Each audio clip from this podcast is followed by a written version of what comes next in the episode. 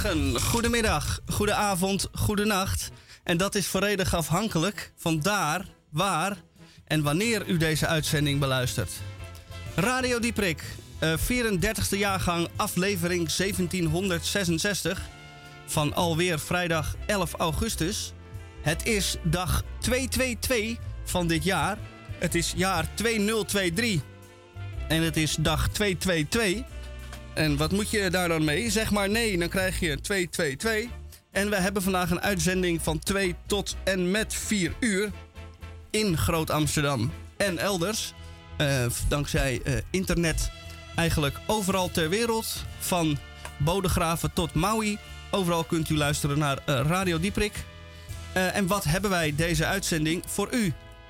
Allereerst de Groene Amsterdammer, gelezen door Tamon J. van Blokland. En hij is wederom binnengefladderd met niet één, maar twee verpakkingen blaadjes met nietjes erin. Ja, de nieuwe Amsterdammer en de groene. Juist. De, de groene en de nieuwe. En, en in de groene eh, een stuk over het nieuwe, het, het nieuwe boeren. Ben ik eh, zelf heel erg, erg geïnteresseerd. En eh, de groene dus ook. En dat vind ik fijn. Dan zijn we beide geïnteresseerd. En in de Nieuwe Amsterdammer een stuk over een televisieserie die geproduceerd is door de vorige president, president Obama. Want dat is, eh, president Obama is geen gewone president. President Obama is iemand die zegt: Ik heb nu een periode eh, van presidentschap achter me. En, ehm, eh, maar dat betekent niet dat mijn maatschappelijke taken daarmee ook ten einde zijn. Ik ga gewoon door, dat is mijn werk. Ik ben altijd, hij is altijd advocaat geweest, sociaal advocaat. En nu maakt hij dus eh, ehm, documentaires met een sociaal achtergrond. En dan denk ik, ja, jij deugt, Obama. Je bent gewoon oké. Wist ik al, maar hij maakt goed. En daar gaan we het straks over hebben. Mooi. Ja. Dan hebben wij ook nog eh, de eh, DCVM. En wij hebben ook eh, eh, eh, Rosa Klamer in de studio. Goedemiddag. Goedemiddag. Ja, ik ben er weer om commentaar te leveren. Oh, Rosa, Graag. doe het. Ik, je, je commentaar is gewoon hartstikke nodig ook. Ja. Anders worden wij namelijk zelf ingenomen en beginnen onze ego's te groeien. Dan moet je echt, Ja, precies. Net zoals een teennagel, die moet je altijd in, in, in check houden. Die ego's. Nou, ik zal mijn best doen. Yes. Heel yes, goed. please. Dat is wat wij nodig hebben.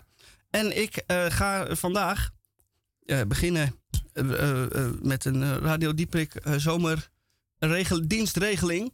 En dan denkt u, eh, de zomer is toch al bijna afgelopen. Dat klopt. Maar beter laat dan nooit, eh, zeg ik altijd maar. En aflevering 1 van een serie columns met audiotief eh, begeleiding. Erop en eronder en erover Hmm. en erin. Voor u thuis. Leuk. Het is echt een echte Radio Dieprik productie van jouw hand. Originele Radio Origineel- Dieprik productie. Ja, Oh ja, goed, goed, goed. goed, goed, goed. Ner- ner- Nergens nog vertoond. Eh, ook uniek. Ik bedoel, het is ook een, een scoop. eh, Nee, een, een, een, een eerste keer.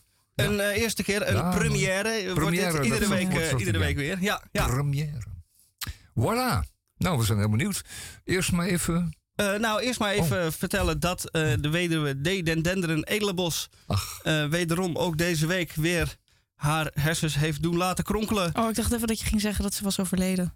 nee hoor, ze, Nee, ze, nee, ze nee. wandelt. Ze heeft makkelijke schoenen, dus die gaat nog wel even mee hoor. Die eh, weduwe. Die blijft niet haken Nee, nee, nee. aan Dat- dingen. Dat soort slecht nieuws eh, zullen wij niet gauw brengen. Dus ook de krompraat eh, voor u en alle rondom u. En dan bij Radio Dieprik eerst maar even dit.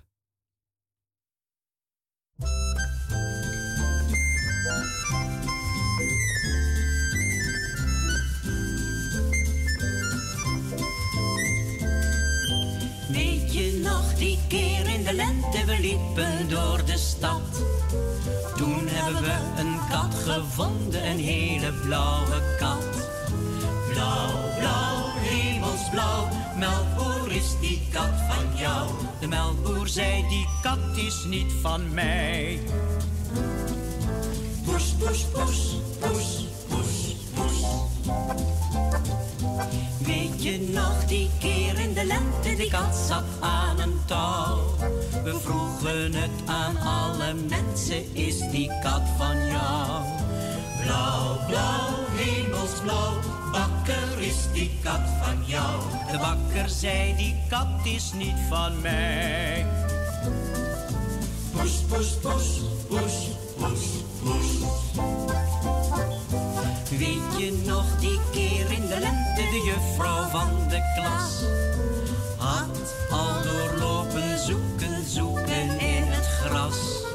Blauw, blauw, hemelsblauw, de kat was van de schooljuffrouw. De juffrouw zegt, mijn kat is weer terecht. Poes, poes, poes, poes, poes, poes. Juffrouw, juffrouw, uw kat zo blauw? Zo blauw als een vergeet me niet. De juffrouw zei, dat weet ik niet. De katten die ik hou zijn altijd hemelsblauw. Blauw, blauw, blauw. Poes, poes, poes, poes, poes, poes. Poes, poes, poes. En ik krijg eh, wel eens eh, de vraag, als ik ergens een liedje gezongen heb, wat dan, eh, wie dan mijn eh, grote inspiratiebron is. en eh, mensen hopen dan dat ik antwoord geef. eh, Barack Obama. eh, Barack Obama, ja. Op Bob Dylan. Zijn, eh, nou, eh, mensen hopen dan graag dat ik de antwoorden geef als eh, Bram van Meulen of Oh. Ja. Maarten van Roosendaal of Ja, iets ja. eh, intellectueels eh, Intellectueel, in die richting. Alleen ehm, wat ik dan eh, toch vaak, eh, steeds vaker dan eh, als antwoord geef is, Is het, hond? eh, eh, is, Sorry. is het eh, schrijversduo Harry Banning en eh, Annie M.G. Schmid. Want eh, op een bepaalde manier is dat toch ook wel onovertroffen. Oh, wat jammer. Ik dacht dat je ging zeggen een poes. Dat dat je poes. inspiratiebron nee, is. Nee, nee, dat, hij bedoelt hen, die, die twee, onovertroffen, maar die hebben het ook vaak over katten. Die hebben heel vaak een kat als onderwerp Klopt. gehad in hun liedjes. De kat van Ome Willem. Ja, en, eh, maar ook een, een heleboel gedicht, eh, dichtjes van, eh, van eh, Annie M. G. Schmid. Eh, Tiberias, eh, er zijn er zat. Er zijn er een heleboel. Nou, ik dacht dan dat je zo gek bent op katten. Ja, dat, Dat. klopt. Dat is eh, misschien ook iets om in de achterhoofd te houden. Waar eh, haal jij je inspiratie vandaan? Eh, de kat, ja. Ja, ja, ja, ja. Dat dacht ik. Dat is een goeie. Kijk, dank voor de tip. Lekker kort. Dank je. Ja, ja, mooi. Goed, ehm, ja. Juist. We zijn toe aan, een, aan het volgende nummer, volgens mij. Hoeveelste uitzending was dit? Zei je zo even? Ehm, het is uitzending 1766. Omdat het zo belangrijk is altijd. 1766, ja. Ja, het- ontzettend Ik belangrijk. eis me dood altijd. maar Het gaat maar door, het gaat maar door. En hoe lang gaan we nog door? Ik bedoel, We stoppen gewoon niet, toch? nee, dacht ik. ja, maar stel nu dat het Totdat 3, we 4, doodgaan. 5000 wordt. En dan, dan, dan wordt het voor, voor iedereen natuurlijk wel heel pijnlijk. Dan moeten we hier natuurlijk een heel geriatrisch tri- Nou, het- team moet hier optreden. Het is nu al pijnlijk, dus de, tot die 6000 kunnen we dan ook nog wel Ik zie volhouden, allemaal, toch? allemaal verplegers en, en, en- Maar we kunnen, we kunnen nu wel een contract opstellen dat we, dat we ondertekenen dat totdat we dood zijn, het dit blijven doen elke Ja. vrijdag. akkoord. Doen we. Akkoord? Ja, ja. Ja. gewoon, ja, gewoon keihard contractje. laten Ja. En als Ja. we dan iedere dinsdag eh, een eh, spookaflevering opnemen, kunnen we die na onze dood, zodat we nog, vijf, nog 5000 weken nadat we al, eigenlijk al dood zijn, je alsnog- Ik geloof dat mensen Ja. daar ook op echt, echt op aan het wachten zijn. Over je graf heen. Ja. Ik Maar dan moeten we wel meegaan met de tijd natuurlijk. Ja, ja, ja. Moeten, we, moeten we in de toekomst gaan verzinnen. Wat de, wat de wereld in de toekomst, hoe die eruit ziet. Oh, dat is vet. Dat Ja, gaan we een keer doen. De Ja, groene Amsterdammer in eh 2300. Ja, goed, goed, goed, goed, goed. Gooi hem erin. Sorry.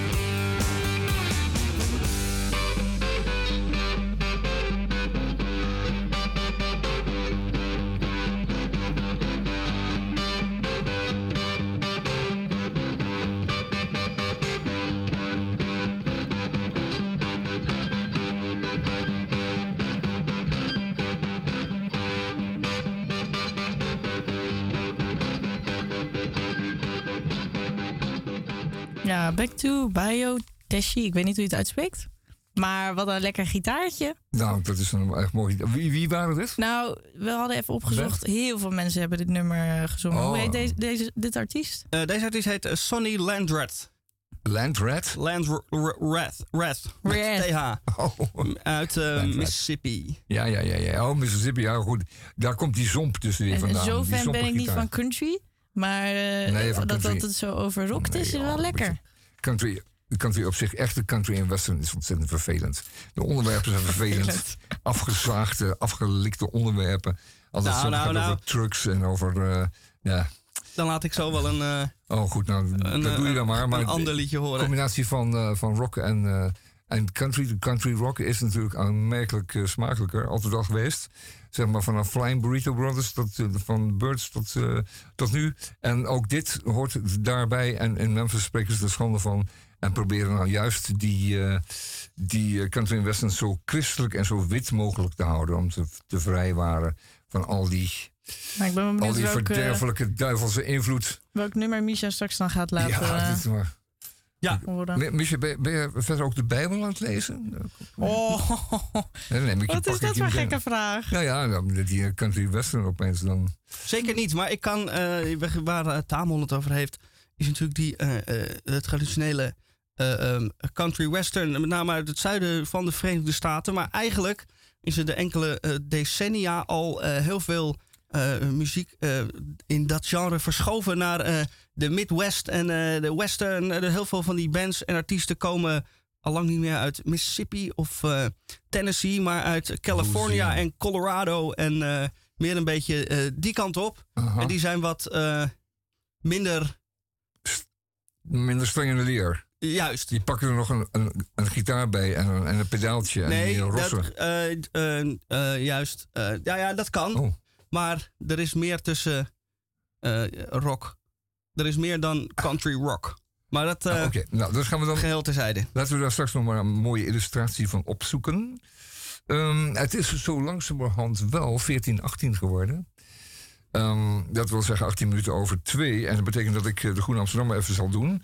Eh, de Groene Amsterdammer gaat deze week tot mijn grote plezier ook weer opnieuw over allerlei nieuwe inzichten en nieuwe ontwikkelingen op het gebied van de landbouw. We weten er komt een hele grote catharsis, een hele grote chute, een grote, een grote verandering aan. Want eh, de BBB gaat in bij de volgende verkiezingen natuurlijk eh, eh, exploderen en daarna imploderen. Dat kunnen we op wachten, dat gaat allemaal gebeuren. En dat zal het moment worden dat in Nederland er echt een hele nieuwe landelijke, wat zeg ik, een ruimtelijke organisatie zal komen.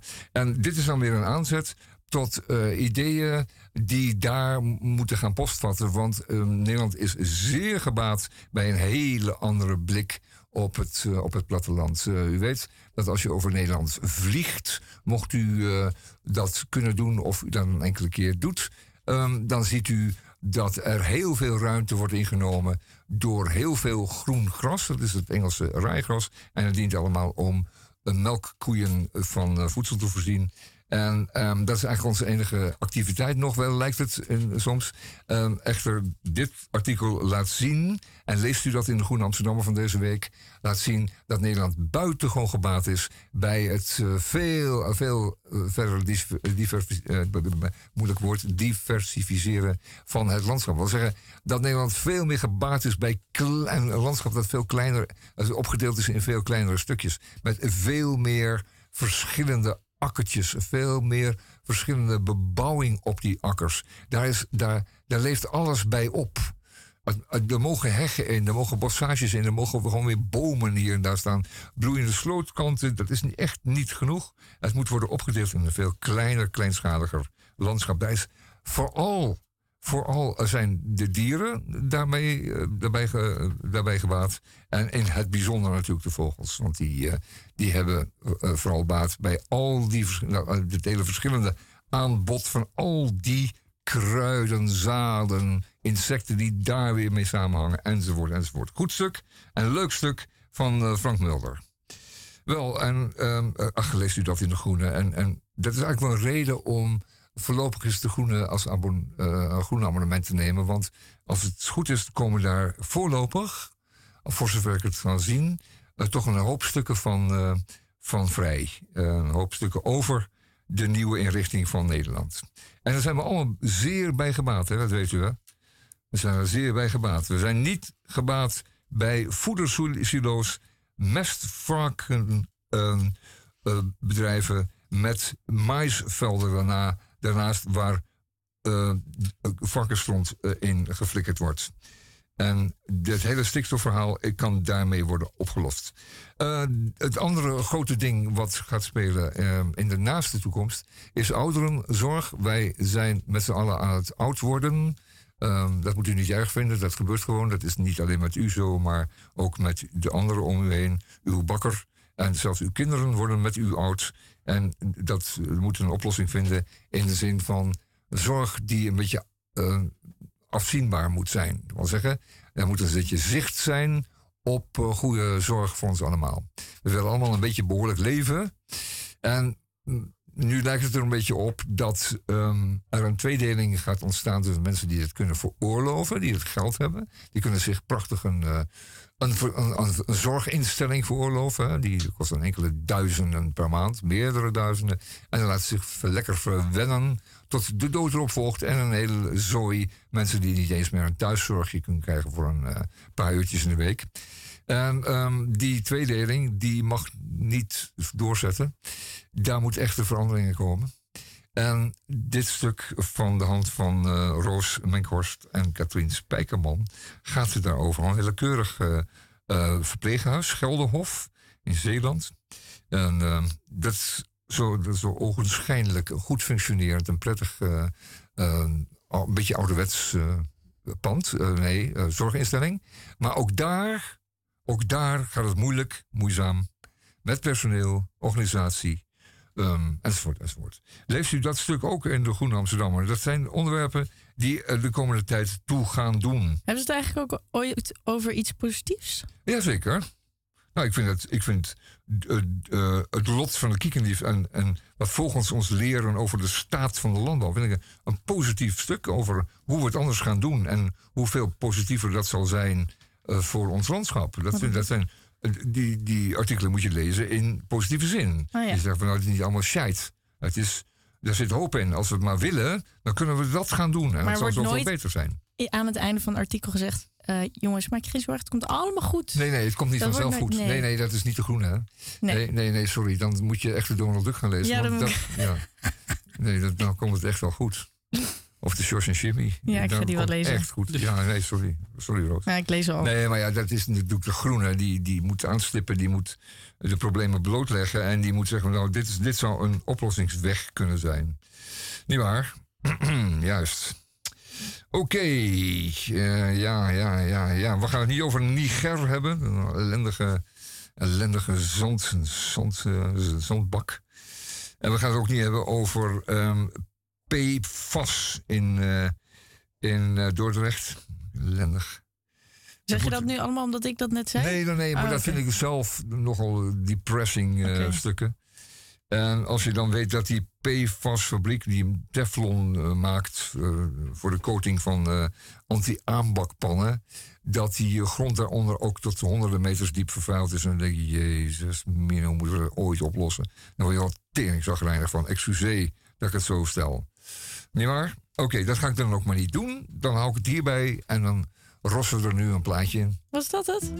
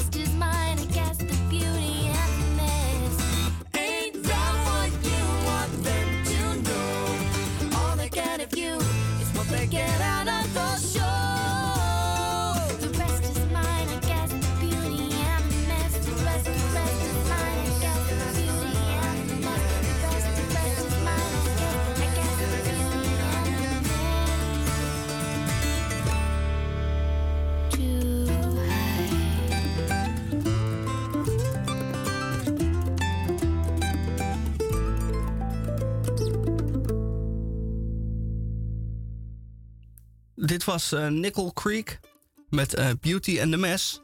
En dit is een band die... eh, Ja, leg maar even uit waarom we dit speelden, u, Misha. u hoort die nu weer op de achtergrond ook. En ehm, eh, ze spelen vooral instrumentale muziek. En Ja, oké, dit is wel leuk. Dit snap ik wel. ja, soms zingen ze er ook bij, zoals u net hoorde. Maar deze zangeres, Sarah Watkins, eh, dat had ik beter niet kunnen draaien, want het is me niet in dank afgenomen. Tamon is al weggelopen. Ja, boos. Die heeft de Groene Amsterdam onder zijn arm gepakt en die is nu, staat nu in de lift. En ook Rosa kijkt me met vuurrode ogen aan van hoe heb je dit kunnen doen? Maar dit snap ik wel. Dit inst- instrumentele stukje vind ik, vind ik wel leuk. Dit is al beter. Ja, dit is veel beter. Maar gewoon niet zo'n zeikstem. Nee, nou ik snap wel wat je daarmee bedoelt. Ehm, ja, Ja. wat wel leuk is, is dat ze ehm, op 2 september eh, in Paradiso optreden. En dat is dan voor het eerst in 25 jaar dat ze het Amerikaanse vasteland afgaan om elders op aarde hun zeikstem en eh pingeldeuntjes te laten horen. Ga je erheen? Ik ga erheen. Oh, echt? Ja, Ik Eh. ga niet mee, sorry. oké. Eh, is goed. Eh, nee, Ja. Nee. Oké. Leuk. zeker leuk. Ehm, Maar ben jij dan ook echt fan? ja, vooral van de, eh De pingelingeling. de pingelingeling. Ja. Ja, Ja, want dit vind ik eh, goed klinken. ja. Maar leg Ik nou ook. uit wat je nou net zei. Over... eh, Oh ja, nou, wat bijvoorbeeld in de, de echte bluegrass muziek is, daar zit geen eh, drummer bij. En drummers zijn eh, eigenlijk overbodige muzikanten in een band. In die zin dat eh, wanneer je, zoals in jazz of funk, leuk een groove eh, speelt en iets echt toevoegt, dat je denkt, nou ja, dan eh, kan het nog wel. Maar zodra een drummer niks anders doet dan de maat benadrukken en gewoon een, een ritme speelt en dat dan 128 maten volhoudt, ja, dat is niet nodig. Het maakt het voor de luisteraar extra makkelijk eh, degusteerbaar, maar hè, muziekluisteren hoeft niet altijd makkelijk te zijn. En bovendien is niet iedereen, eh, of althans het overgrote gedeelte van de mensen, niet infantiel. Dus kun je best gewoon die drummer thuis laten. Zeg je gewoon: hier heb je 50 euro. Ga anders een nieuw eh, vel en een stokje kopen. En dan neem je gewoon een heel album op. En als je terugkomt, zeg je: ja, ja. speel nog maar wat dingetjes in. En dan doe je dan niks mee. Of zo. Of je leert Nou. hem gewoon een ander. Zeg gewoon leer een ander instrument. En dan mag je wel meedoen. Tamon is teruggekomen. Was je je even... om- Ben je Hij- even... hij moest even stoom opblazen. Levin Helm, eh, die- Robert Robertson is overleden. Oh. Alweer 80 jaar, eh, 80 jaar oud geworden van de band. We gaan geen band draaien vandaag. Maar Levin Helm die, eh, zat achter het drumstel bij eh, de band. En die zong beter dan dat hij drumde. Dus die had je ook dan wel gewoon direct kunnen omscholen tot zanger. Maar Ja. misschien vond hij drummen leuker. Ja, hij vond Je het hem ook lekker. En, die- en, die- en de toch band had lekker een drummer instrument, nodig, want het was ook een beetje een hakketakkenband, een oud-hakkersvereniging. vereniging. dus ja, er moest ook wel een band en drummer in. Nou ja. Maar uh, Misha heeft gelijk, het is een eh, interessant experiment om hem Oh. gewoon weg te laten. Hey, hebben we een beller? Ja, we- moet ik hem opnemen? Het is Ja, wel een leuke beller. Oh nee, mijn telefoon valt uit. Laat maar. Het was Joël, weet je wel. Die wilde ik ook een keer uitnodigen. mhm. Die eh, kan veel beter radio maken dan eh, wij met z'n drieën. Nou, dan hoeven we hem niet te hebben, want we gaan, onze niet, we gaan niet onze eigen veters in de brand steken natuurlijk. Godsamme. Laat hem zelf maar een radioprogramma beginnen. Ja, dan horen we nog wel van hem. Juist. Oké, wij doen ons best hier. Wat is dit? Overigens? Dit is ook weer Nickel Creek, maar dan ehm, eh, met zonder zangeres. Ja, ik vind het wel lekker. Je had beter dit moeten spelen.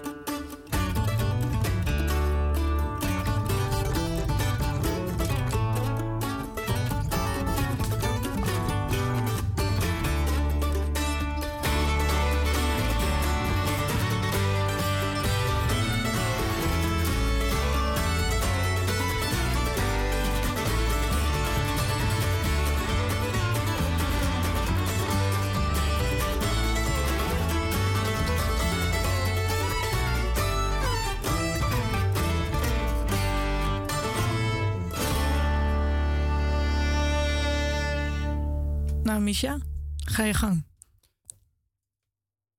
Ja. Ik eh, heb hier dan aflevering 1 van de zomerregeling. Eén hoorspel.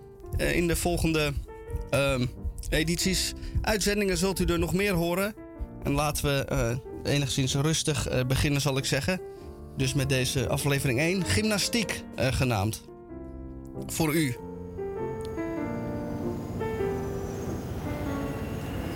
In ferme pas wandel ik via een drukke Prins Hendrikkade naar een van de metro-ingangen van het Centraal Station. Vanwege de verbouwingen alom raak ik gedesoriënteerd en wandel ik per abuis naar een iets verder gelegen trap naar beneden. De metro vertrekt over minder dan een minuut en dus moet ik mij haasten. Eerst inchecken bij een eh, incheckpoortje en vervolgens niet één, maar twee roltrappen naar beneden op weg naar metro 52, de Noord-Zuidlijn. De tijd begint te dringen en de ferme pas wordt een draf. Ik wil deze metro halen. Nee, ik moet deze metro halen. En de laatste, een hele lange roltrap naar beneden, dender ik af. En als ik het perron kan zien, stop ik direct met rennen.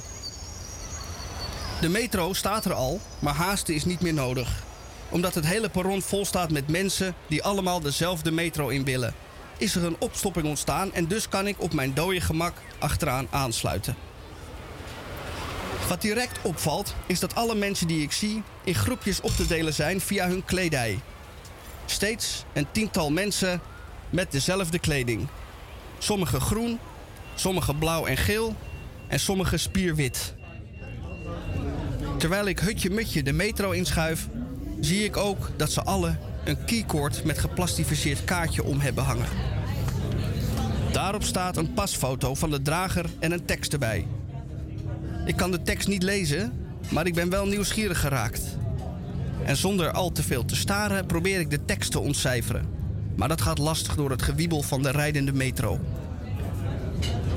Na nog twee mislukte pogingen en een keer door iemand vuil aangekeken te zijn, heb ik beet. En kan ik lezen wat er staat. Gymnastrada 2023 valt er te lezen. Ik ga direct op onderzoek uit. Op internet lees ik het volgende. De Gymnastrada is een wereldwijd niet-competitief evenement dat elk vier jaar gehouden wordt met het grootste aantal actieve deelnemers van elk gymsportevenement ter wereld. Die laatste zin verklaart de mensenmassa in de metro. En de eerste zin, nou daar zak mijn broek vanaf. Non-competitief. Wat is dat nou weer? Sporten zonder sportspelelement. Het meest nutteloze en geestdodende tijdverdrijf denkbaar. Op het strand met een bal overgooien heen en weer. En dan weer en heen. Schiet mij maar lek. Daar kun je niks mee. Het evenement vindt overigens plaats in en om de RAI. Wat extra fijn is, maar niet heus, want dat houdt in dat wij allen dezelfde halte eruit moeten. Heel fijn. Hutje mutje, schuifelen we met z'n allen de metro uit en dan zie ik iets. Op de achterkant van de jassen staan de namen van de landen die iedere non-competitieve sporter vertegenwoordigt. Venezuela, Togo, Luxemburg, overal en nergens komen ze dus vandaan. Het uitchecken gaat tergend langzaam, omdat iedereen netjes wacht tot de poort weer gesloten is. En dan pas checkt de volgende uit. Non-competitief uitchecken zal ik het maar noemen. Ik sta op de roltrap naar boven en ik zie langzaam de wolkenlucht boven het Europaplein opdoemen. Als ik dan boven ben, zie ik een enorme mensenmassa het volledige Europaplein vullen. Allemaal met stomme sportkleding en een non-competitieve grijns op hun gezicht. Het zweet breekt mij uit en ik begin te hyperventileren. Ik moet hier weg. Ik moet hier weg. Maar dat gaat niet. Ik zit nu ingesloten tussen Team Germany en L'Equipe Suisse. Waarbij de sfeer er ook al vervelend goed in zit. Dan zie ik in de verte een podium waar een al even blije en weeige in sportkleding gehulde flapdrol een speech geeft. Is everybody happy? vraagt hij een aantal keer. En iedereen antwoordt steeds volmondig ja. Ik antwoord volmondig nee. Is everybody happy? Nee. Is everybody happy? Nee. En dan treedt er een doemscenario in werking. Publieksparticipatie. De gymleraar op het podium doet domme en hersenloze danspasjes voor en iedereen, behalve ik, doet deze gezagsvertrouw na.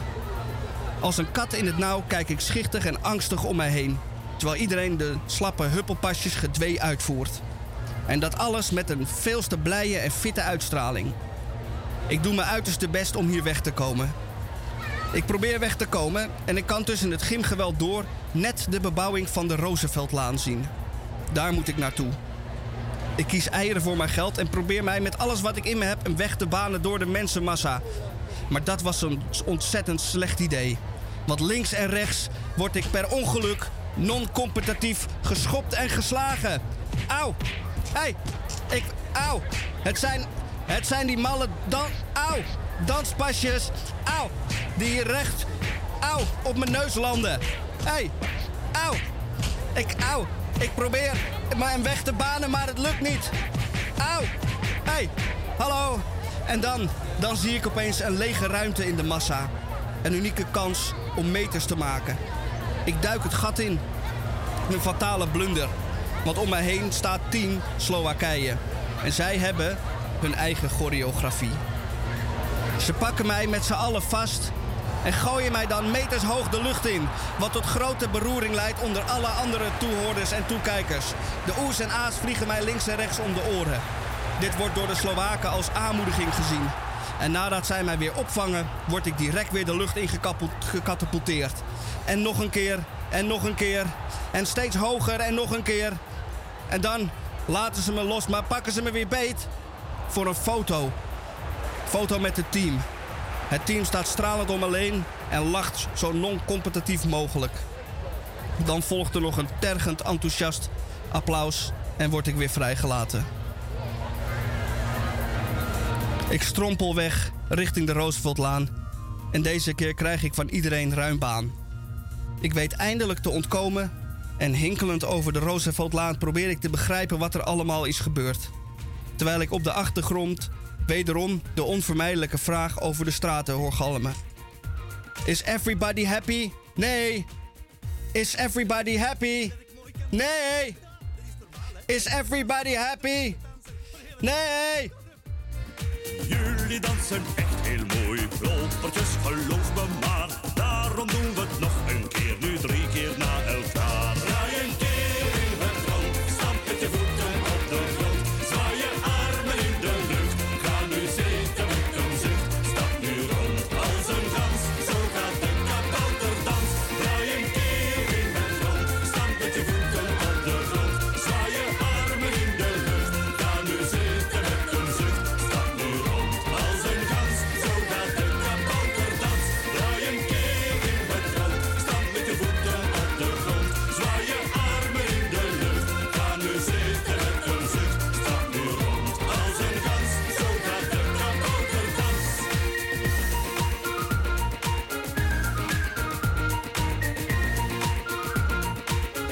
Nou, het was een eh, pijnlijke eh, gebeurtenis zo vorige week. Ja, dat snap ik. Toevallig was ik er ook, hè?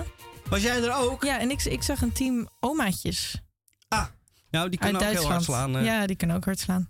Maar dat vond ik zo schattig. Oké jongens, ehm, ik, ehm, ik, ik, sta, ik ben echt onder de indruk. Ehm, was het overigens wel een succes, die hele gymnastrade? Hebben de mensen het leuk gevonden in Amsterdam? Een beetje zo gymnastieken met elkaar. We hebben een evaluatie gehoord op de televisie of zoiets, of op de radio.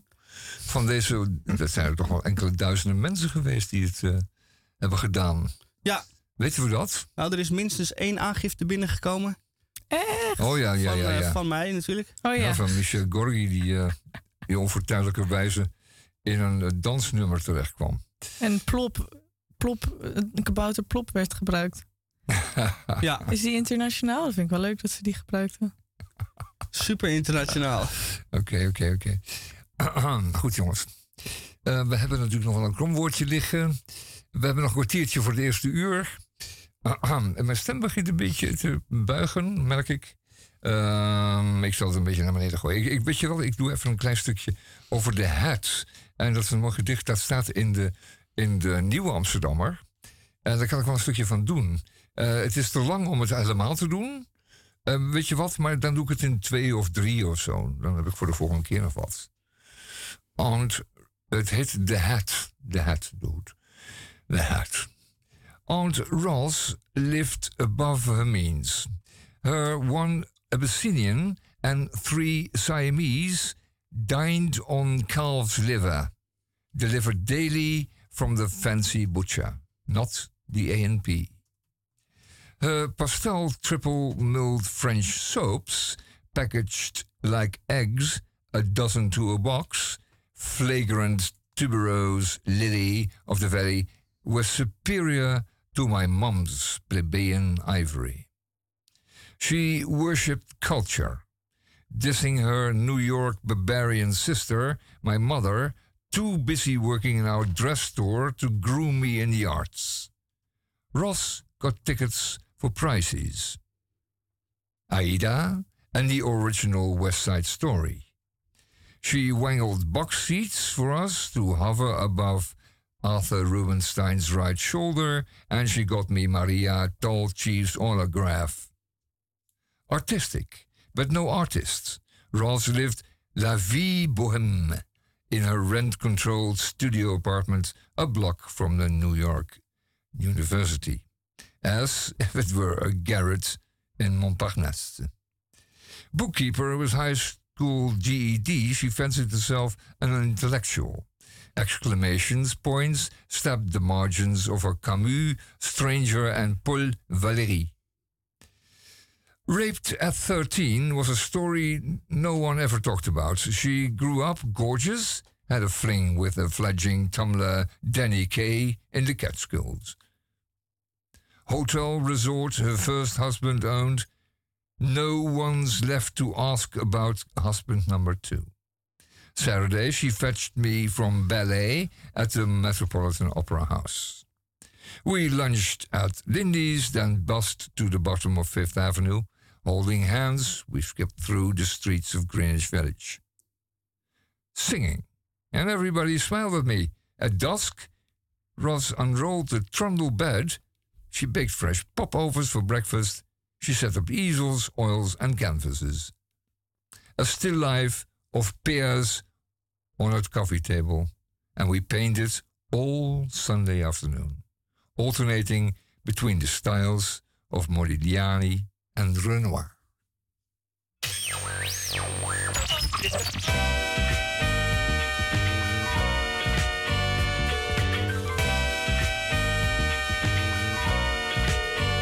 Hello? I wish I was a little bit taller. I wish I was a baller. I wish I had a girl who looked good, I would call her. Wish I had a rabbit in a hat with a bat and a six foot father.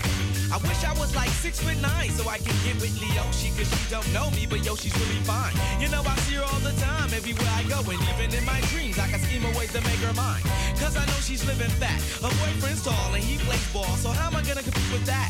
Cause when it comes to playing basketball, I'm always last to be picked and in some cases never picked at all. So I just lean up on the wall or sit up in the bleachers with the rest of the girls who came to watch they man ball.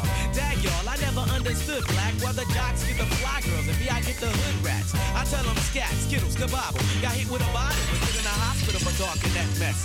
I confess it's a shame when you living in a city that's the size of a box and nobody knows your name. Glad I came to my senses like quick, quick, got sick, sick to my stomach. Overcome it by thoughts of me and her together, right? So when I asked her out, she said I wasn't a type. I wish I was a little bit taller. I wish I was a baller. I wish I had a girl who looked good, I would call her. Wish I had a rabbit in a hat with a bat baller. I wish I had a girl who looked good, I would call her. Wish I had a rabbit in a hat with a bat and a six-foot baller. I wish I had a got this hatchback, and everywhere I go, yo, I get laughed at. And when I'm in my car, I'm laid back. I got an A-track and a spare tire in the back seat, but that's flat.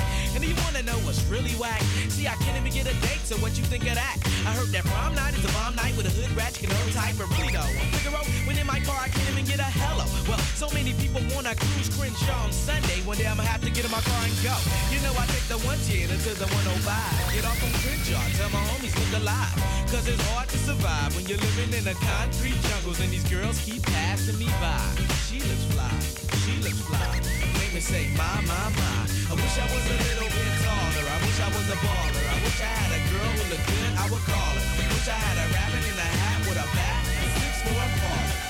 I wish I was a little bit taller. I wish I was a baller. I wish I had a girl who looked good, I would call her. Wish I had a rabbit in a hat with a bat and six for a. I wish I was a little bit taller. I was a little bit taller. I wish I was a baller. I wish I was a little bit taller. I wish I was a baller. I wish I was a little bit taller, y'all. I wish I was a baller. I wish I was a little bit taller. I wish I was a baller. Hey, I wish I had my way, cause every day would be a Friday and you can even speed on the highway. I would play ghetto games, name my kids ghetto names. Little Mookie, Big Al, Lorraine. Yo, you know that's on the real. So if you down on your luck, then you should know just how I feel. Cause if you don't want me around, see I go simple, I go easy, I go Greyhound. Hey, you, what's that sound? Everybody look what's going down. Ah, yes, ain't that fresh? Everybody wants to get down like that. Wish I was a little bit taller. I wish I was a baller. I wish I had a girl who looked good, I would call her. Wish I had a rabbit in a hat with a bat and a baller. I wish I was a little wish I was a baller. I wish I had a girl who looked good, I would call her. Wish I had a rabbit in a hat with a bat and a six-foot baller.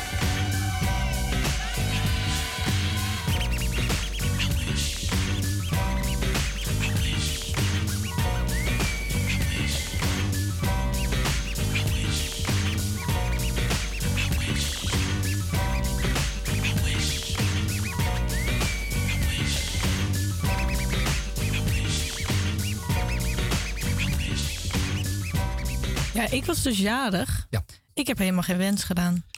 Omdat ik helemaal niks te wensen heb. Rosa. Dat is mooi. hè? Maar wel één ding. Zien jullie iets anders aan mij? Ja. Oh, toch wel? Ja. Wat dan? Nou, je hebt een opgeruimde blik in je ogen en je ziet er blij en vrolijk uit. Nee, dat is het niet. Oh. Misha, zie jij het? Heb je je haar Nee, anders? in, eh, is het in je gezicht? Want dat is het enige wat ik kan zien. Je hoofd. Ik heb mijn haar geknipt. Het is echt veel korter.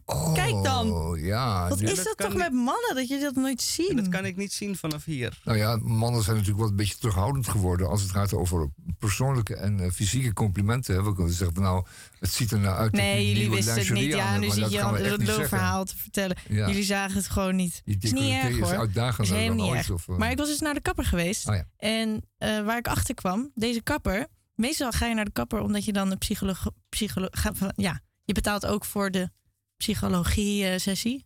Oh, Weet je wel, voor de ondersteuning, de, de psychische ondersteuning. Ja, ja, ja. de- Als in, je, gaat naar de kapper om te praten over en hij jezelf. zegt dan, ja. En je kan lekker even alles eruit gooien. Oh, ja, maar ik heb, ik heb sinds kort een kapper die het omgekeerde doet. Die, die verveelt jou met zijn verhalen. Ja. Oh, lekker dan. En zeg je, mag ik dat geld terug? Nee, Oh. het was ook meteen weer 50 euro. Godkeleren. En eh, bij mij hoef je echt alleen maar... Ik heb echt niet moeilijk haar. Hij heeft gewoon eh, onderlangs de schaar er langs Ja. gehaald. En, en toen heeft hij vijf tientjes gevraagd daarvoor. Ja. En ondertussen heeft hij je verveeld met zijn persoonlijk Ja. verhaal. En waar ging het over? Zijn moeder is dood. Nee. En de kat? Ja, het is niet zo belangrijk. Ja, nou, ik Maar- wil wel weten nou. Dat is de knieën. Nee, het was liefdesverdriet. Oh, liefdes- Lulleverde. lulleverde. En was het een, was het een, een, man vind- of een vrouw? Of, Ja, nee, nee ik, ga, ik ga niet te veel zeggen. Ja, nou ja, goed. In ieder geval- in ieder geval wat waar voor je geld? Ja. Maar ik, ik wilde kijken of jullie eh, hadden doorgehad of ik eh, mijn haar had geknipt. Nee. Maar nee dus. Is. Nee, eh, nee. Je had net zo goed allemaal kunnen, groen kunnen verven of helemaal kunnen afknippen. Dat had ik nog niet gezien. Ja, ik had ook een keer roze haar, ge, mijn haar roze geverfd. Ja. En toen, kwam ik naar, toen zat ik in de keuken bij mijn ouders. En mijn moeder heeft een uur lang gepraat met me. Ja. Zonder dat ze door had dat ik roze haar had. Ja, misschien, misschien eh, dat ehm, wat ik nu ga zeggen, eh, moet ik misschien een beetje mee oppassen. Maar Ik ben echt niet zo gevoelig hoor. Je mag Hebben- best wel veel zeggen. Nou, soms, op, hebben mensen iets niet door. Aha. En soms interesseert mensen het ook gewoon helemaal niks. Dus dan, dan, dan zien ze het wel, maar dan laat ze het gewoon aan zich Ja, dat snap ik wel. Haar is ook niet zo heel belangrijk. Het is trouwens, als ik naar de kapper ga, voel ik ook altijd gesprekken. Maar dat zijn, eh, eh, gelukkig zou ik haast willen zeggen, geen, eh, is geen psychologische sessie. Want bij mijn kapper hoef ik maar eh, de naam van de linksbuiten van Ajax te noemen. En dan gaat het gewoon, zolang de knipsessie duurt, over voetbal. Wat Oh, ja. een prachtig onderwerp is om eh, gewoon Mhm. de tijd mee door te komen. Vind jij voetbal zo leuk dan? Zeker, het heeft Maar, maar wist je dat niet? Hij Nee, is dat echt wist ik een helemaal niet. fanatieke follower. Van, Nou de- ja. van het ronde balletje. Het ronde balletje. nou, ik wist wel dat en hij er liedjes over schreef, maar ik- ik wist niet dat hij ik fan was. Zo gegeneerd was toen ik las dat de dames eruit liggen. vannacht eh, Oh, ja. het eh, niet gered, nee. Nee, wat stom. En hoe is het nou geko- hoe is het zo gekomen? Ik heb het niet gezien, maar ze Oh. kregen. eh, eh, ze kwamen achter tegen Spanje. En eh, ik heb een samenvatting gezien vanochtend. Eh, en toen eh, kreeg Nederland wel wat kansen, maar die scoorden ze allemaal niet. Tot en met de allerlaatste minuut. Toen scoorden ze 1-1, dus dan eh, ga je de verlenging in. Oh. En daar was het ook allemaal net niet goed genoeg. En eh, zoals het dan, dan gaat, als jij het doelpunt niet maakt, Ja, dan ja. maakt je tegenstander het. En Het dat wel. gebeurde. En, ja, die eh, komt ja. heel snel terug. Dus met die- een of andere, ja. die kunnen- ja. En dan ben je te laat en dan is de, de- dan is de wedstrijd verpest. Hoe is het nou En, ge- gekomen dat ik begon over mijn haar en nu hebben we het opeens over voetbal? Vanwege die, die kapper van Micha. Ja, ja, nee. Ik maak ook een grapje. Ik ben natuurlijk niet zo'n meisje, maar ik vond het wel grappig. mijn is, eh, mijn kapper probeert het ook altijd om mij te verleiden om eh, te vertellen, meer te vertellen dan ik van plan was. En dan denk ik altijd, nee meisje, mevrouw, het gaat u niet lukken. Vertelt u maar eens wat. En dat had ik niet, dan niet, niet moeten doen, want dan vertelt ze een verhaal wat me echt helemaal niet eh, kan boeien. Maar goed, tegen Het lijkt me tijd best wel een zwaar er beroep hoor. lijkt me best wel een zwaar beroep. 25 Al die mensen die weer aankomen met een verhaal. Ja, ja, ja, als kapper moet je natuurlijk heel wat kunnen doorstaan, ook op dit gebied, ja, zeker. Nou, in de, eh, op de, eh, in de straat waar ik eh, werk zit ook een kapsalon. En deze mevrouw die de kapsalon bestiert, zit tijdens het knippen ongetwijfeld te kletsen met de geknipte. Maar tussen het knippen door zit zij altijd op een stoel buiten, tenzij het regent natuurlijk. En dan kan iedereen die voorbij loopt ook een praatje maken. En dat doet dan, dan ook eh, iedereen, althans degene die daar enthousiast is. Dus eh, deze mevrouw, eh, deze kapster, eh, praat dus niet alleen professioneel, maar in de loze minuutjes die zij heeft, doet ze dat ook nog eens. Dus dat is haar eigenlijk. Ook nog so- sociaal, Ze is ja. eigenlijk Ja. eh, geknipt voor het vak, zou je kunnen zeggen. Geknipt voor het vak. Jeetje, je bent wel heel een adrem vandaag, Micha. Ik wil dat je er even mee Wauw. ophield. Maar die is gewoon zeven keer onzeker 24 uur aan het kleppen. Dus daar komt het op neer. Ja. Ja, nou, Dat is toch, fantastisch. eh, dat fantastisch, het je ja. levensvervulling wordt. Eh, hoor, je, hoor je Roos? Ja. Kan ook, hè? Je kan altijd nog kapster worden. Ja, ik ben niet zo goed in praten. Oké, ik... eh, Vandaar zijn- dat we je bij de radio hebben uitgenodigd. Ja, ja, ik snap precies. ook geen ene kut van wat ik hier doe. Ja. Gaan we naar het volgende nummer? Nou, ja, we hebben nog krom- vier minuten we in gaan de eerste uur oh, van nou, Radio Dieproject. Dus we- die gaan we echt eh, waanzinnig goed vullen. Oh, dus we gaan Met niet een de eh, leuk nummer. doen. Oh, hè? Nee, Oh. daar is geen tijd meer voor. Oh. We gaan eh, naar het volgende nummer. Oh. Maar dat wordt dan ook meteen het laatste het nummer laatste van eh, nummer, het eerste ja. uur. Ja. Van de King. The King. Welk nummer heb je? Nou, dan ben ik nu even aan het kijken. Doe maar, nu doe maar een, country, een country nummer. Afhankelijk van hoe lang wij nog... eh, eh, Willen jullie anders ook kijken, wat is dit?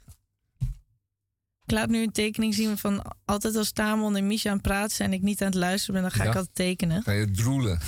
als je niet aan het luisteren bent en aan Dat de tekening te grapje. zien, heb je helemaal Dat nog is een niet grapje. geluisterd. Dat is een grapje. Nou, hier moet ik wel even over nadenken. Wat is het? Wat het is een, het? Het is een, een mannetje dat zagrijnig kijkt omdat hij maar één keer per week mag. Oh, dat is Tamon dus? Het- ik, ik zie een motormuis die een pakje appelsap eh, drinkt. Wow, die komen wel echt dichtbij. Een Of iemand die zagrijnig is dat hij 15 cent eh statiegeld moet betalen voor een plastic patatbakje. Moet je even wat kwijt, Tamon? Moeten we even eh, vijf minuutjes aan dan- geven? En die dan denkt van, hoe moet ik dat bakje dan inleveren om mijn 15 cent terug te krijgen? Oké. En kan ik dat bakje dan inleveren met die grote kwakke mayonaise die er nog half in ligt, overheen ligt? Nee, je moet gewoon je eigen bordje meenemen. Eigen bordje meenemen. Ja, Dat is ook, heeft ook iets best wel gezellig. Ik, ik zie zo de toekomst zo vormen dat iedereen in, bij de snackbar met zijn Ja. eigen bordje. Een beetje zoals. eh, Ja, een beetje alsof je bij mama je eten gaat ophalen. Ja. En dan gaat iedereen zo met een bordje in de rij staan. Nou, dat vind ik wel een mooi beeld. Ja, Nou, en dan zou ik ook zeker een diepbord meenemen, want die, eh, die wordt wel helemaal volgelaaid. Dat is nooit zo misselijk, vind ik. En het is eigenlijk niet eens eh, eh, nieuw. Nee. Want eh, toen de eerste afhaalrestaurants, eh, eh, met name Chinese restaurants in Nederland, eh, eh, eh, opdoemden, eh, gingen mensen met een pan van huis eh, weg Nou, om die te laten vullen met eh, eh, eten. Wat leuk dat je dit zegt. Nasi, dat wist ik helemaal niet. Kijk, we moeten gewoon een stapje terug. Ja, dat is en dan een komt terug. alles goed. Ja, dan ging je met een, met een theedoekie en met een pannetje met een dekseltje, ging je dat halen. Dat is veel handiger. Wat een Want er bestonden idee. nog geen plastic bakjes. En Ja. als je een beetje een ruime pan had en je moest voor vijf mensen halen, dan eh, Wat werd je vol, goed goed volgeschept. Laten we daarheen gaan. Prima. Tot eh, in de tweede uur. burning with a strange desire.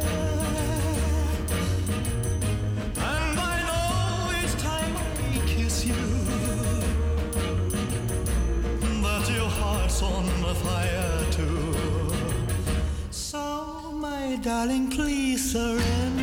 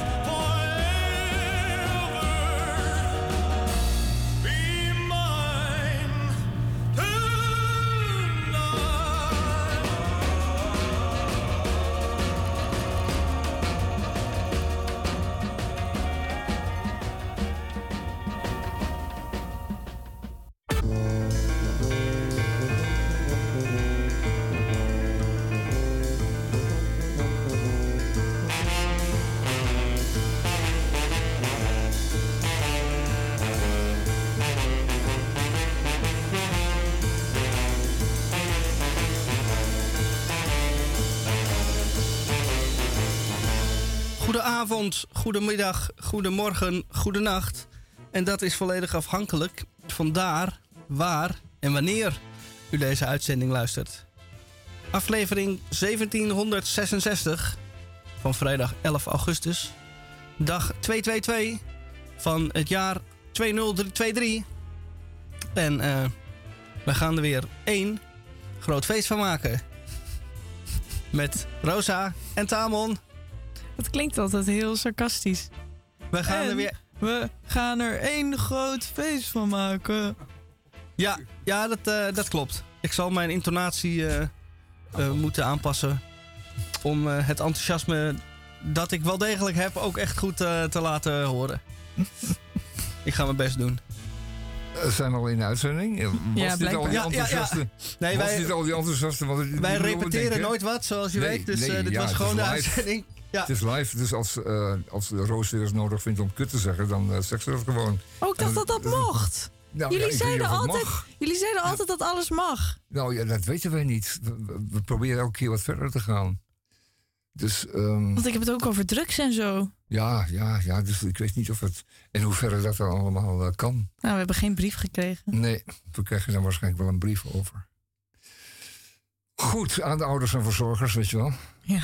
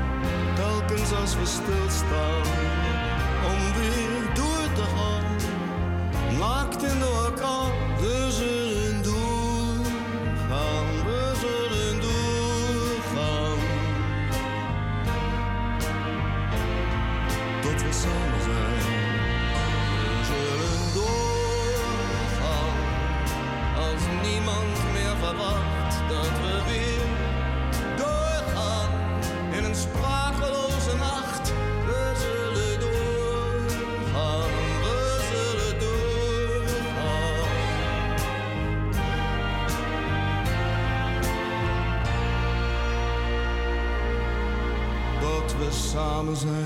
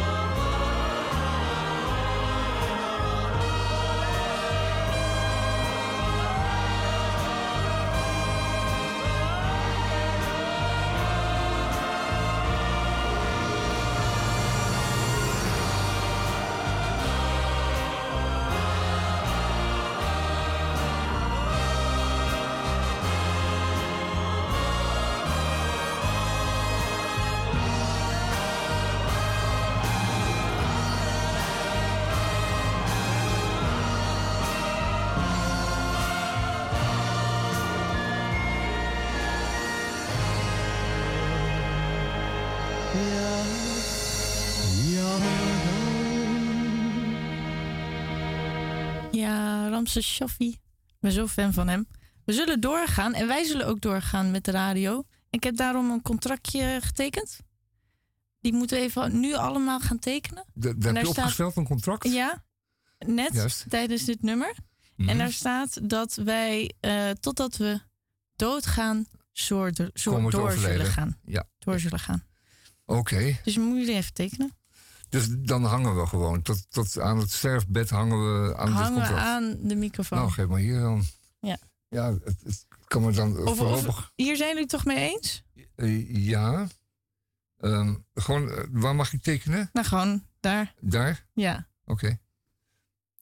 Oké, hiermee, hiermee heb ik me ver- verklaar, verklaar ik mezelf verplicht tot het maken van de radio tot op het eh, tot enkele seconden voor mijn overlijden. En ehm, dat moet dan wel vastgesteld worden door een eh, echte arts. Niet door zomaar iemand eh, willekeurig. die zegt, Nou, hij is dood of zo. Nee.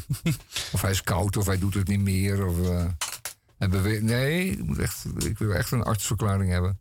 En dan pas stoppen we met de radio. Goed. Maar ehm, wacht even, nee, ja, ho, ho, ho. ho, ho. Ehm, eh, volgens mij worden we hier nu... eh, Worden we gepiepeld? we worden erbij gehaald, want eh, de, er staan nu twee handtekeningen op een papiertje. En dat moeten er natuurlijk drie worden. hè? Oh, Roos. Ik, ik- jij. Kijk, en nu is het officieel. Nu is het officieel. Nu kan niemand van ons er meer onderuit. Rosa. E toe, Rosa. Goed, nu eh, hangen we. Dat vind ik en- wel spannend hoor, voor het hele leven lang. Ja, maar het komt best dus lang uitpakken. Zo. Zodanig dat wij- dat- elke dag, elke ja. vrijdag. Ja, dit- daarom. Oh mijn god. Ja, maar dat, eh, ik- Waarom heb ik ja gezegd? Waarom heb ik dit als, gedaan? als wij dan straks eh, eh, binnenkort het loodje leggen, moet jij nog tot in den treuren in je eentje door dan. Oh, dat, nee, daar heb ik zin in. Zo. Nou ja, maar dat is Dan Eindelijk ga, eindelijk, eindelijk kan ik dan doen wat ik wil doen. Ja, Roos, alleen ja, ja. maar nummers Dat- draaien, alleen maar goede nummers. En dan ga ik alleen maar vertellen over welke nummers zijn en de geschiedenis over nummers. Niet dat geouwe hoer over de Groene Amsterdammer en eh, die eh, Oh. stomme Misha-column. Nee, wordt echt alleen maar goede Nou, weet je wat? shit. Dat mag allemaal. Wij zijn er niet meer bij. We kunnen ons daar toch niet aan kapot ergeren. aan jou. Dat was en- natuurlijk allemaal een grapje. En je, nou, dat weet ik niet. Want je kijkt wel heel serieus bij eh, Rosa. nee, En je mag nee, er dit is... Nee, dit, tegen nee. die tijd mag jij gewoon anderen erbij halen.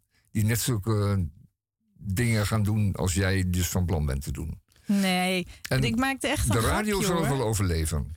Juist. Bob Eh, Dylan Bob Dylan, wat is Eh, er mee? eh, wat, is er met Bob? schreef eh, Bob. vele, Bob. vele nummers. Mhm. En ehm, vele, vele van zijn nummers zijn ook eh, gecoverd door eh, menig artiest. Maar het waren eh, niet in de laatste plaats vaak artiesten die ook een gitaar hadden. En dan eh, misschien een beetje country rock of zo speelden. Maar eh, sommige covers zijn eh, van een totaal andere. eh, eh, van een ander kaliber en een ander genre. Hier eh, een van de liederen van Bob Dylan, uitgevoerd door eh, Sam Cooke. Oh, leuk. Cool.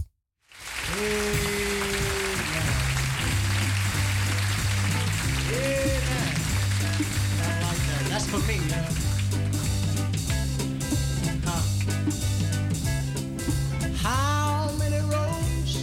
Must a man walk down before he's called a man? Tell me, how many seas must a white dove sail before she sleeps in the sand? Tell me, how many times must the cannonballs fly before they're forever banned?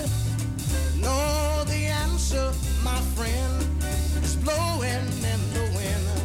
The answer, blowing in the wind. How many times must a man look up before he sees the sky? Tell me, how many ears must one man have before he can hear people cry? What I wanna know is how many deaths will it take till he knows? Too many people have died. Oh, the answer, my friend, is blowing in the wind. The answer somewhere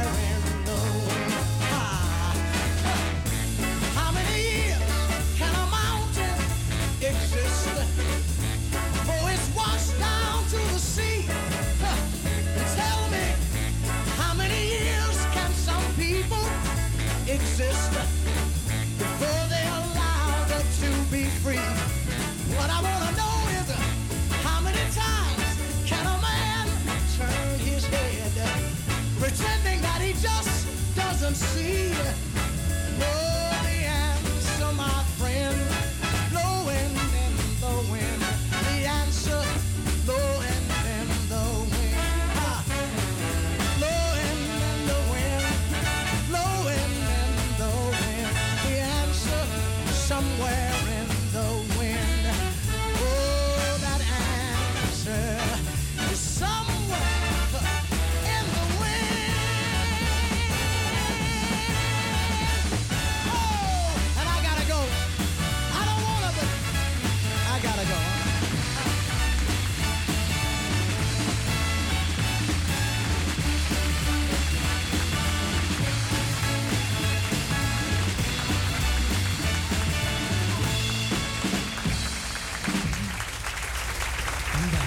Applaus voor Sam Cooke. En Blowing in the Wind. Ja, ik weet niet. Misschien vind ik deze wel leuker. Trouwens, ik, ik maakte net echt een grapje. Ik weet zeker als jullie er straks niet meer zijn, dat ik dan alleen maar aan het huilen ben tijdens de radio-uitzending. Nou, dat wordt dan een fijne vrijdagmiddag dan voor vele luisteraars. Zes, onze 16.000 luisteraars. Die knappen daar echt letterlijk van op. Eh, laten we maar een kromwoordje gaan doen, want dit eh, voert te ver, eh, Rosa. We gaan nog lang niet dood. En ehm, stel- ik, ik stel het persoonlijk mm, uit, want ik moet nog ergens naartoe. Met iemand, ver weg. Ja, wat Damon, die is... En dus, en dus ik, kan, ik kan helemaal niet weg. Ik moet, ik moet eerst nog weg, dan pas kan ik weg. Damon is in love.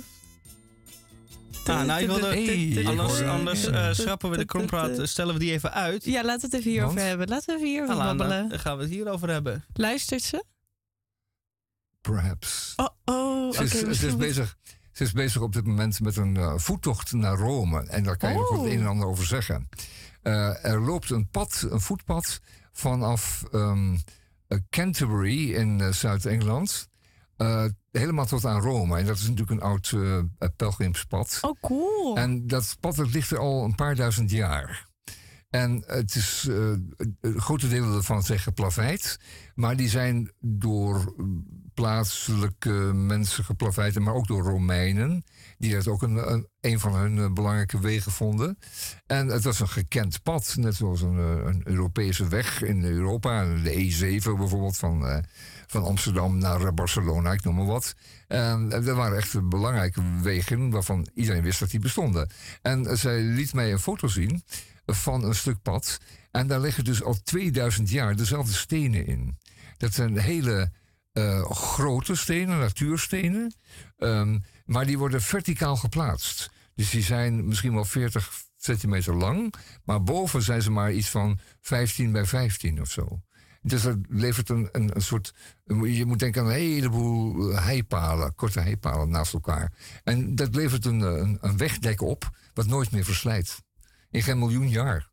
Dus er- er zullen geen voeten zijn of, of, of schapenhoeven die dat verslijten. Dus we waren toen eigenlijk al heel erg bezig met Ja. op lange termijn denken. nou ja, wat ze dachten gewoon van laten we dat dan maar eens eventjes gewoon goed doen. Ja, wat goed. En, en die stenen werden heel zorgvuldig ehm, op elkaar ingekapt. Dat als de natuurlijke vorm van de steen de aanleiding toe gaf, dan, dan werd die andere zo gekapt dat die daar weer inviel. Dus die stenen houden elkaar dan ook netjes op hun plaats. Wat mooi. En- Gaat, en- gaat het hele pad doen? Nee, nee, stukken daarvan. Oh ja. Stukken daarvan in Want anders dan eh, ben je wel echt hoe lang bezig? Vier maanden? Nou, ik weet niet, Canterbury naar Rome te voet. Dat zal zo'n. Ga je dan ook over het water lopen? Of? Nee, je steekt natuurlijk uiteraard eerst natuurlijk naar Frankrijk door. Oh ja. Van, van Dover naar, Hoe naar deden die Boulogne. pelgrims dat dan? Nou ja, in een bootje naar de Ja, oké. naar, Boulogne-sur-Mer. Maar vanaf dat moment is het lopen geblazen. Heb ik jullie trouwens ooit verteld over mijn Nee, dat pelgrimstochtervaring? nu... Dat ga ik nu vertellen. Ik was eh, toen ik 18 was heel erg somber. Mhm. En eh, toen zei mijn broer, moet jij niet de Camino de Santiago lopen? Kennen jullie die? Ja, ja, ja. En, Ook eh, een oud pelgrimspad. Ook een oude pelgrimstocht. Eh, en, en ik was begonnen in Vézelay in Frankrijk. Mhm. En eh, ik had er niet echt over nagedacht. Dus ik was ook niet echt heel erg goed voorbereid. Maar ik had wel een tentje en een gastje en een noodvoedselpakketje. Dat ik overal kon overleven. En toen was mijn eerste dag wandelen.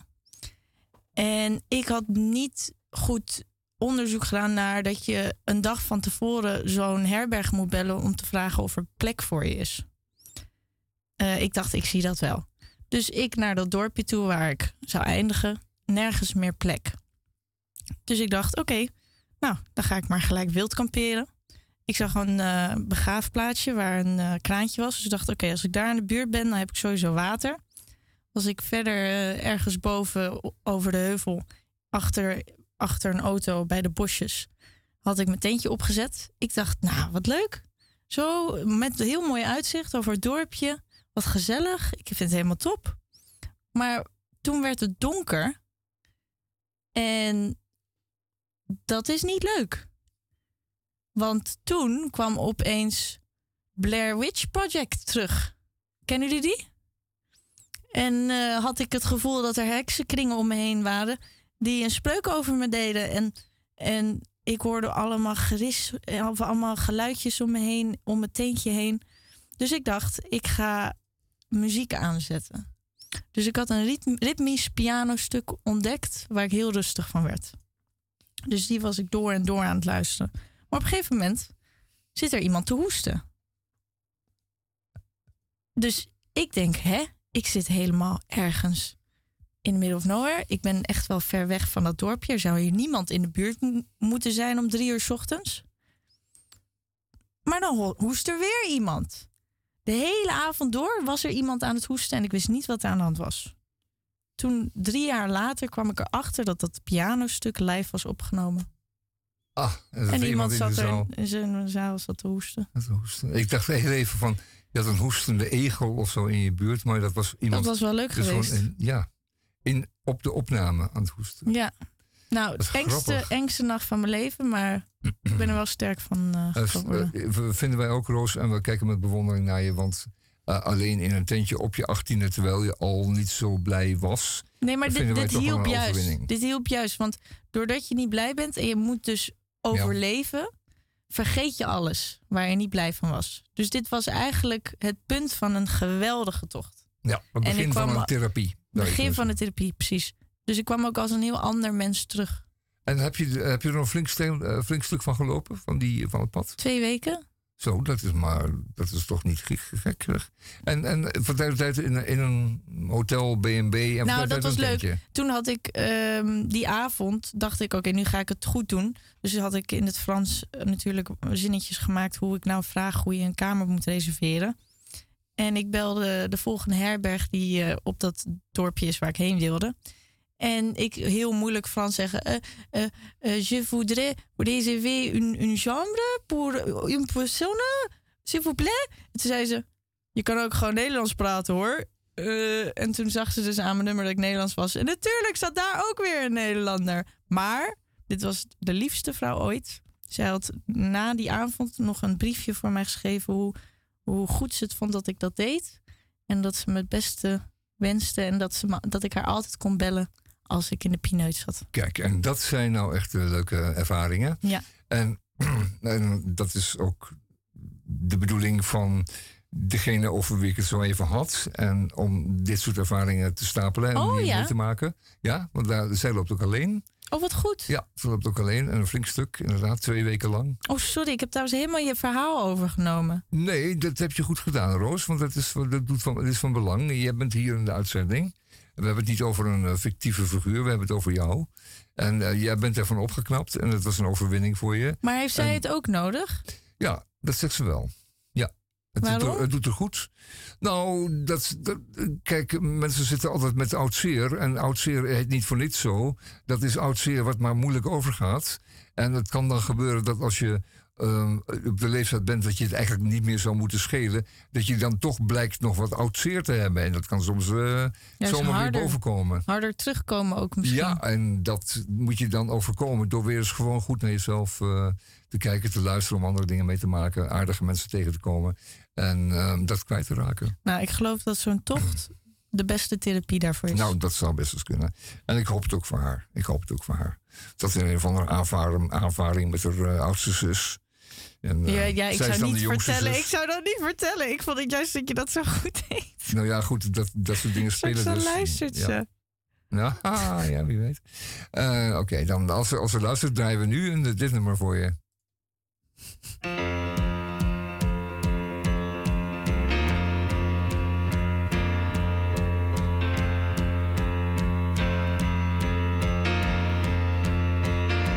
Doctor, my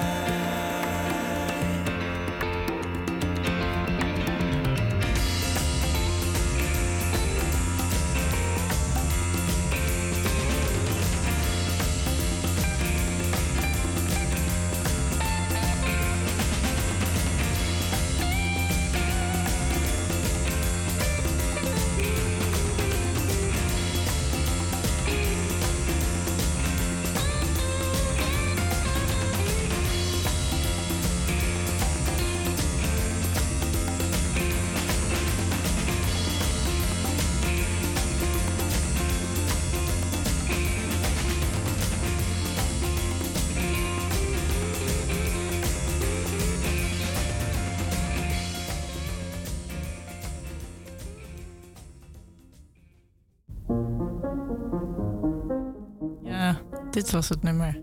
Dit was het nummer. Dit was het nummer. En ik luisterde dit cool achter elkaar.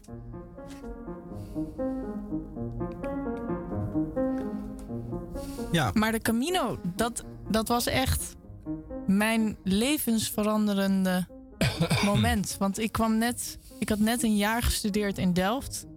En ik had ook op gekke wijze bedacht. Ik wil bij een vereniging. Aha. Dus ik was, had me aangemeld bij het koor. Oh. Want ik Doe maar. dacht, ja, want ik dacht, mijn zus die heeft dat gedaan en die ging soms bij haar logeren bij haar studentenhuis. En ik vond dat zo warm en leuk. Maar toen wist ik nog niet dat, dat ik daar eigenlijk niet bij paste. Want toen ik daarbij ging, kreeg ik niet dat warme. En daardoor werd ik zo somber. En was ik mezelf ook, had ik mezelf helemaal verloren. Ik ging ook niet meer creatief doen. Ik was eigenlijk alleen maar bezig met of mensen me leuk vonden of niet. Ik was ook heel erg aan het inlikken de hele tijd. Hele, hele tijd onnodig complimentjes geven. En toen ging ik die Camino Santiago lopen. En echt dag na dag was ik alleen maar bezig met... waar ga ik slapen? En wat heerlijk die natuur om me heen. En hoor je ook dat eltje? En gesprekken voeren met eltjes of zingen voor koeien. Ja, dat, dat hielp. Ik vraag me af of we ook dat ik zo lang door kan praten dat we het hoesje gaan vinden. Maar ik denk het niet. Wie weet. Ik, eh, eh, jij, eh, Rosa, was afgelopen dinsdag jarig. En ik was daar eh, aan- aanwezig. En toen eh, sprak ik eh, met een van jouw vriendinnen. die je al lang kent. En toen hadden we het ook over jou. Oh. En zij zei toen ja. Iets over de, dat je ook op hockey had gezeten. Ik zei hockey. Dat vond ik dan niet zo bij jou passen. En toen zei zij lachend. Nou, ze heeft ook bij het koor gezeten. en toen viel ik helemaal van mijn krukje. Maar eh, dit wat jij nu vertelt, dat eh, had zij er niet bij verteld. Ja, ja. Dus dat je niet, ook niet bij het koor paste, dat eh, klopte. Dat, Ja, dat dat dacht ik al. Dat klopte dus wel. Ja. Nee, en de leuke was aan de Camino. Ik, ik wist dat er, iets, dat er iets moest veranderen in mijn leven. En bij één camping kwam ik een Nederlands stel tegen. Een operazangeres en één iemand die... Ik weet niet meer wat. Hij studeerde iets technisch. En ik kon zo goed met hun levelen. En zij woonde in Amsterdam. En we praten met elkaar over van alles, over het leven. Wat ik ook wel mooi vond... ehm, de jongen die zei: Ik heb een hekel aan mijn verjaardag. En omdat hij. Wat was het nou?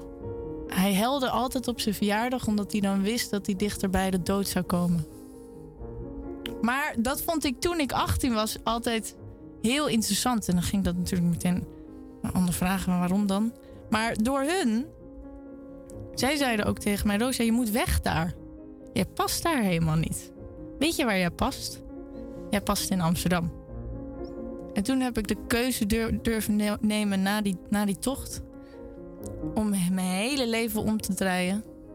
En naar Amsterdam te gaan. En nu zit ik hier. Ja, en je zit, je zit in de navel van Amsterdam ja, ik zelfs. zit in de navel van Amsterdam. Ja, het is niet alleen maar dat je, dat je eh, hoe zeg je dat, stadgenoot bent geworden, maar je bent zelfs de stem van Amsterdam geworden. het is niet te geloven. Dat heet een bliksemcarrière. Eh, mag ik nog heel even vragen wat je studeert in Delft? In, eh, nou, ik studeer eigenlijk in Rotterdam. Oh, en ik woon in Delft. Industrieel productontwerpen. Oh ja, juist. Maar dat was wel leuk Ja, hoor. dat is zeker een leuke studie. Maar ik kwam erachter dat ik dan allemaal dingen moest gaan doen waar ik eigenlijk geen zin in had. Oh. Ja, studeren is niet voor mij weg. Ja, ja, ja, goed. maar Je hoort, ook uh, sterkte leren en, uh, en analyse bij. En, uh, ja, nee, dat daar, nee, mij niet bellen. Ik dacht, Nee? ik, ik wil gewoon gelijk, gelijk werken. Ja, gelijk werken. Goed. En dan leer ik op die manier wel. Nee, dat is niet waar. Je hebt, een, je Jawel. hebt, een, nee, je hebt, een, je hebt een wel degelijk een basis nodig. Je hebt sowieso al drie, drie jaar uh, nodig Ik ben, om het is uh, me toch gelukt. materiaalkunde Het is me voor- toch gelukt. Om je materiaalkunde dictaat helemaal Ja, door oké. te krijgen. nee, in het begin deed ik het gratis en toen... Goed, we gaan uh, over naar... uh, Hebben we de hoest gehoord? Nee, hè? Nee, maar normaaliter, eh nee, ik hoorde... normaaliter doen wij de krompraat onder begeleiding van eh, wegen eh, supermarktmuziek uit de jaren 70. Maar eh, de canto ostinato is misschien ook wel een keer leuk als eh, achtergrondmuziek. Ik heb er drie, drie woorden. Ik zal ze alle drie even opnoemen. En dan kijken, mogen jullie uitvechten wie welk woord wat eh, wanneer gaat doen. Het eerste woord is evenementaliteit. En dat is een evenementaliteit. Het tweede woord is studiate. Ook een het zijn allemaal een beetje lastige woordjes. Studiate. En eh, de derde is schaakmatpartij.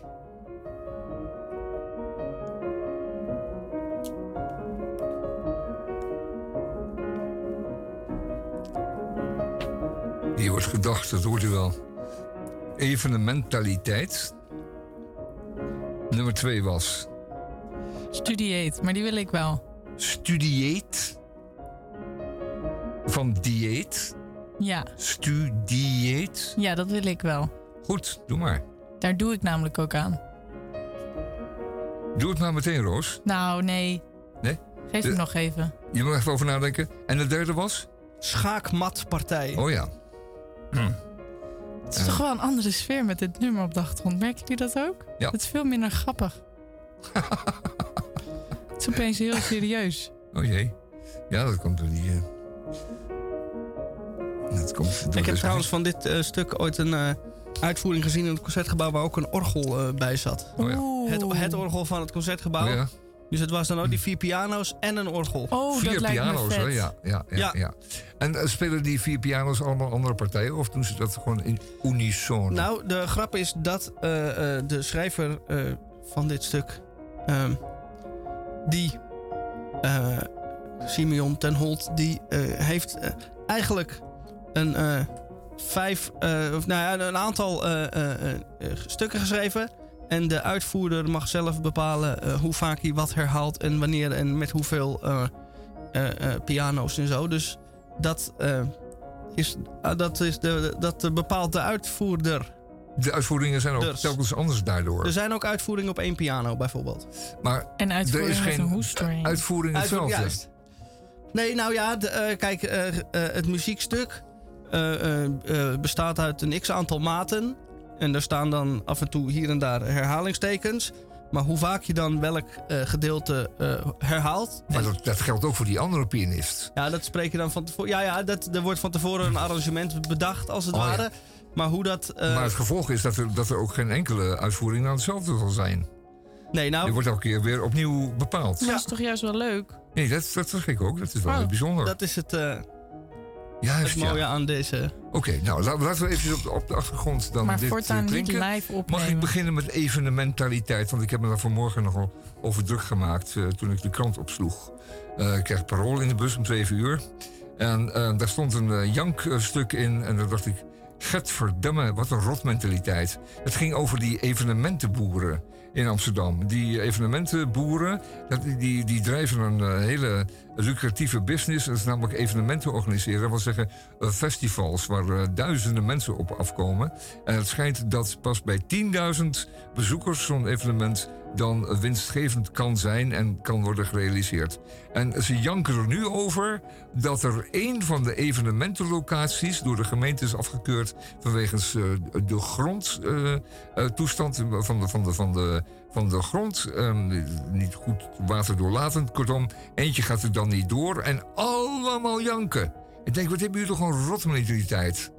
Alle, al, die, al die evenementenboeren beginnen allemaal te janken dat er één, één optie uit is. En dat ze dus moeten gaan loten. En dan zeggen ze, ja, maar dat is niet eerlijk, want als ik dan misloot, dan heb ik eh, kans op dat ik een evenement niet door kan laten gaan. En dan loop ik allemaal geld mis. Dus het zijn allemaal, allemaal eh, op geld beluste eh, ondernemers die evenementen organiseren. En deze evenementenmentaliteit, evenementaliteit, die vind ik echt, eh, eh, echt om te janken. Echt om te janken. En ik ga er ook niet meer naartoe. Ik ken best wel wat mensen die... Ja, zie wel, dan wordt het weer persoonlijk. Ja, Nou, ik heb er geen zak mee te maken. Dat jij allemaal kent. En ik vind het een rotmentaliteit. ik eerlijk gezegd ook hoor. Liever, Man, liever zo'n liever liever zo'n evenement, eh, maar met 70 mensen. En dat, dat, dat, dat Zoals gewoon... je dat laatst vertelde. waar jullie ja, ja, ja, met die vrienden die dat organiseren. Dat is veel leuk. Ik denk veel leuker. Ik denk dat even 10.000 festivals minimaal. daar ook van zijn ontstaan. Dat Ja. vrienden dat samen gingen organiseren. En- dat is dan en dat het opeens goed commercieel afging. geworden. En dan heel groot. Want groot is altijd beter. Maar groot is helemaal niet altijd beter. Zeker Nou ja, dat gaat je op op een een gegeven moment festival. goed af dan. Maar op een festival is het helemaal niet leuk als het zo groot is. Nee. Dan heb je helemaal geen samenhorigheid. Oké. Het slaat echt nergens op. Dat ze denken dat dat goed is. evenementaliteit. Afdoende behandeld. Ja, nou, stu. Studieet. Studieet is... ehm, je kent wel van die mensen, ik ken er heel veel namelijk... die niet weten wat ze moeten doen in hun leven. En die, eh, die denken dan dat je toch wel echt moet studeren. En dat je niet even de tijd voor jezelf kan nemen... en het zelf eventjes rust- rustig mag uitzoeken. Nee, je moet studeren. Want dat krijg je dan misschien mee van je ouders. Van, je gaat naar de middelbare school, je houdt je diploma... dan ga je studeren en dan, dan krijg je een vriendin of vriend... dan ga je baby's krijgen en dan word je oud en gelukkig. Nou, die heb je ertussen zitten. En ik ben blij dat ik eh, daar niet, bij ben, niet mee in ben gegaan. Want ja. ja, Want ehm, wat er dan gebeurt, is dat je dan ga je op een soort studieet. Je gaat niet een studie afmaken. Nee, je, je, je gaat steeds een stukje van een studie doen. Waardoor je maar heel weinig eigenlijk van een studie neemt. En helemaal niet de studie kan beleven. Dus dan, dan deze persoon die, die, die denkt, nee, deze studie is het toch niet. En die gaat dan de volgende studie doen. En dan weer de volgende. En dan weer de volgende. Terwijl eigenlijk ben je dan zo erg bezig met het juiste zoeken, waardoor het averechts werkt. Waardoor je juist jezelf alleen nog maar meer verliest. Duidelijk. Ik ben Ja, niet of echt helemaal met dieet. Maar is misschien Nou ja, wel. het is, het omdat- is een dieet, een opgelegd dieet volgen. Zoals een dieet ook opgelegd wordt. Doe je dat dan terwijl je er zelf niet achter staat en zelf niet ehm, helemaal voor gaat? En waarom doe je dat dieet? Ja, waarom doe je dat Waarom dieet? moet je zo afvallen? Ook, ook weer omdat iemand. Omdat of de maatschappij zegt dat van je van, verwacht. dat die en billen van jou zo van, dun eh, die zijn veel te dik. Ja, En eh, daar moet wat aan gebeuren je hoor. moet, want je moet op is dieet. geen gezicht. En je moet studeren, je moet studeren, je moet die studie doen. Dus eh, Ja. je moet op studieet. Nou, ik vind het afdoende uitgelegd. Ja. Studieet. Studieet. Dan ben ik wel benieuwd naar de schaakmatpartij. Ja, Misha. De schaakmatpartij. Ja. Eh, wilt u voldoende schaken, dan zult u zich heel erg moeten verdiepen in het spel en in de openingen en in de posities. Want het is eh, geen eh eh, kwartetten of eh, mens erger je niet. Nee, dit is een serieus spelletje. Wat zeg ik? Een serieuze aangelegenheid. Dus wat je moet doen, is allemaal opening zetten en weet ik veel wat leren. Maar wat gebeurt er dan? Dan heb jij lekker thuis geoefend en dan kom jij op de schaakclub. En dan gaat er iemand tegenover je zitten met zijn brilletje op zijn neus. En dan doe jij een set. En dan doet die andere degene een set. En denk je, ah, dit weet ik nog uit het boek. Nou moet ik dit doen. En dat doe je dan. En het boek zegt dan, als jij dan dat doet, doet je tegenstander dat. En dan moet jij dat doen en jij dat doen. En wat er dan gebeurt, is dat de tegenstander iets totaal anders doet. En daar was je helemaal niet op voorbereid. En dan weet je zelf ook niet meer wat je moet doen. Dus dan doe je maar wat. En dan doet je tegenstander ook weer maar wat. En eh, voor je het weet, eh, eh, vliegen alle stukken om je oren. Daarmee bedoel ik dat jij slaat, je tegenstander, een tegenstander slaat weer een, stuk van jou. En dat gaat veel te snel en veel te hard. En dan heb je een enorme matpartij. Waarin je binnen een enkele zetten eigenlijk de helft van al je stukken al kwijt bent. En dan in een soort eh, naar het schaakbord staat en denkt: wat is hier in hemelsnaam gebeurd? Alsof er net een vechtpartij geweest is. En je gaat daarna het café binnen, alle krukken liggen om en zo. En zo ziet dat bord er dan ook uit. Dat is een schaakmatpartij, heeft er plaatsgevonden. De hele, eh, eh, schaak, het hele schaakbord is raar ingedeeld. En er is geen boek in de wereld die je dan uitlegt hoe je daar moet spelen. Dan moet je dat maar op je eigen manier doen. Schaakmatpartij. Voor u op deze vrijdagmiddag. Helder. En daarmee komen we aan het einde van de krompraat.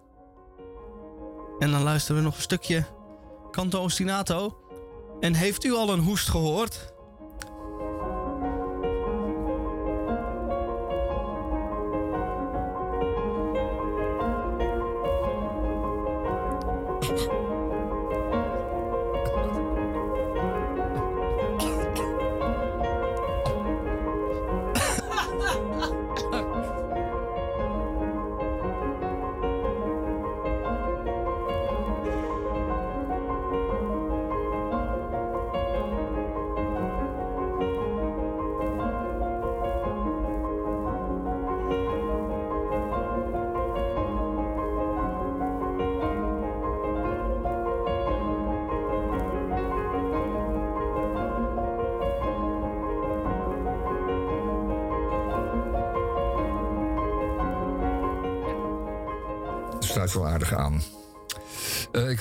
Dat eh, ik ook de Nieuwe Amsterdammer had meegenomen, de New Yorker. En daar zat een stuk in over, over de, de, de vorige president. En zoals u dat nog heel goed weet, was dat eh, president Obama. Die met veel misbaar en veel, eh, veel achterlijk gezwam van anderen, van derden, daar zo in het Witte Huis terecht kwam. En ook de, de, de vorige president. Ehm, ja, dat moet de eervorige zijn natuurlijk. Maar de vorige, dat was kapitein Trump aan het grote wiel. Die heeft een heleboel lelijke dingen over, over Obama gezegd. Dat is echt een, vuige en gemene manier van doen ten aanzien van Obama. Maar nu blijkt dat eh, Obama wel oké was als hij er al niet ooit aan twijfelde. Nu is bewezen, want eh, wat is er eh, nu te zien op Netflix? Een serie documentaires geproduceerd door en eh, Michelle en... ehm, en de president zelf, Obama. En die gaat en heeft als titel over, eh, die gaat over werk. En die heet ook Work. En daarin doen zij, eh getweeën, onderzoek. En dat naar aanleiding van allerlei mm, figuren in een documentaire vorm. Over wat nou werk is. En wat het belang van werk is. En in hoeverre het nog bestaat. En hoe dat gewaardeerd wordt. En het schijnt dus dat, en dat merken wij hier in Europa ook, dat als je ehm, banen naar eh, verre landen exporteert, maak, waar, mensen eh, dingen moeten maken, een auto of een kast of iets anders, dat je dan eindigt met een soort servicebanen. En met managers die vanuit ons land, maar in dit geval de Verenigde Staten, op afstand, die eh, al die operaties managen en besturen. En het feit dat de maakbanen er allemaal tussenuit gehaald zijn, betekent dat een heleboel mensen zich moeten redden met die servicebanen. En servicebanen moet u denken aan het inpakken van boodschappen aan het einde van de lopende band. Het eh, allerlei eh, banen als parkeerwachter, allemaal net, eigenlijk wat ze noemen Mac jobs, die heel slecht betaald worden. Het flippen van hamburgers in restaurants, bedienen enzovoort. enzovoort. Allemaal werk wat je ongeschoold kunt doen en wat ook heel vaak heel weinig oplevert. Dan heb je het echt over over mm, 5 dollar of 6, 7, 8 dollar op zijn hoogst. En daarvan kun je niet leven in het land. En dat onderzoek wat eh, Michel en eh, Barack Obama doen in deze serie documentaires, is om dat nou eens bloot te leggen. Wat is dan het probleem? En hoe kunnen we, hoe kan dat getackeld worden? En wij hebben hetzelfde probleem in, eh, in Nederland een beetje. Nou is het gelukkig zo dat in Nederland wij niet alle maakbanen, niet alle producerende eh, banen hebben weggesaneerd richting Mexico en China. Maar er zijn er wel heel wat verdwenen. en wij dreigen ook een eh, klasse arbeiders, Eh, werkers te krijgen die slecht betaald worden. En die daar geen vreugde in vinden, die geen veiligheid vinden in hun werk. En in hun collega's en in de omstandigheden waar ze moeten werken.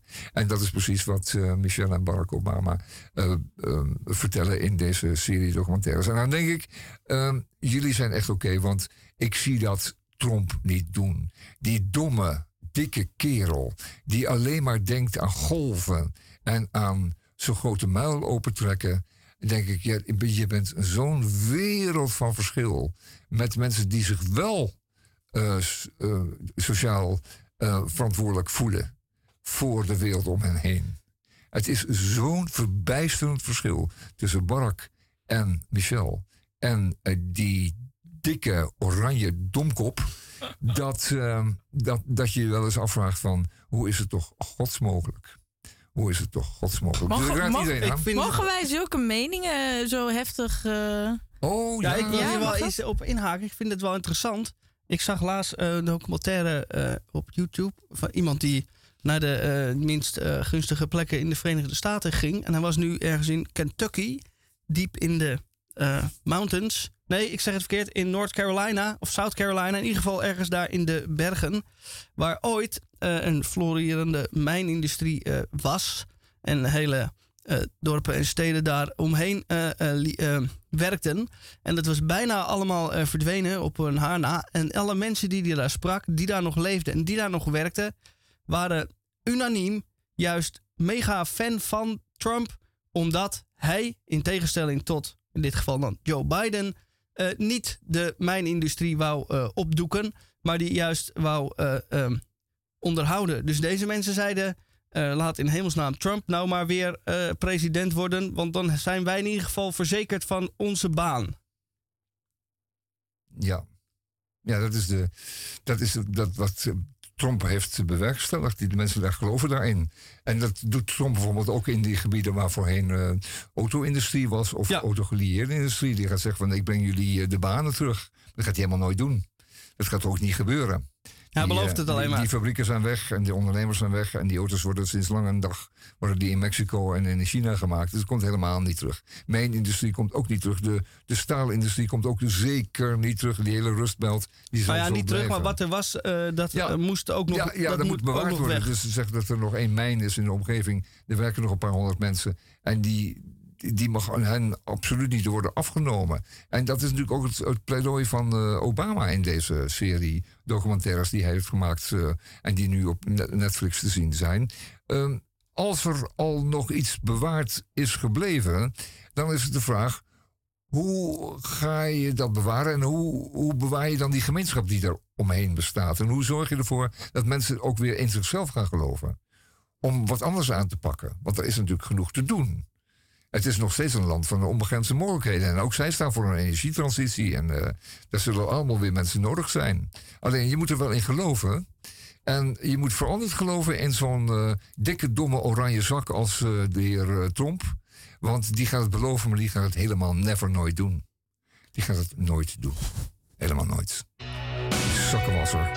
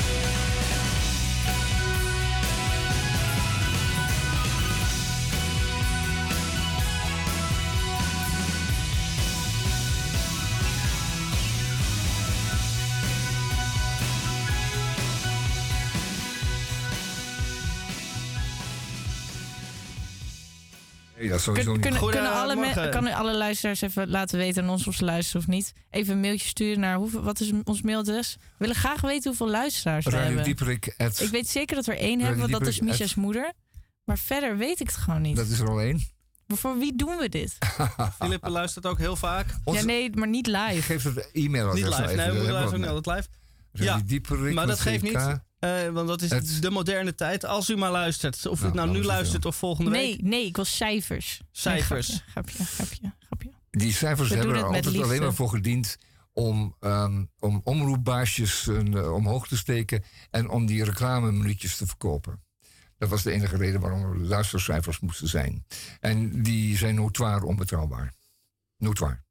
Je snapt niet dat, ze zoveel geld, eh, dat er zoveel geld omgaat in die hele radioreclamewereld. als je weet hoe onbetrouwbaar die cijfers mensen zijn. juist, eh, juist, juist, juist kokhalsneiging krijgen van die reclames. In plaats van denken, oh, ik ga naar die winkel. Ja, die, die, die radio staat aan.